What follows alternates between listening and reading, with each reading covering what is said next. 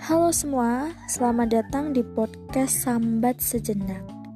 Sebenarnya podcast ini aku buat sebagai tempat untukku membagikan sedikit kisah atau mungkin berbagai hal entah itu masalah hidup, percintaan, atau berbagai masalah yang terjadi.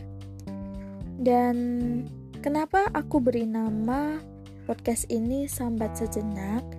Ya karena sambat itu adalah bahasa Jawa yang jika diartikan dalam bahasa Indonesia artinya mengeluh. Mungkin bisa jadi ini adalah waktu di mana kita bisa rehat sejenak dari perjalanan panjang yang kita lalui setiap hari. Oleh sebab itu, podcast ini dibuat.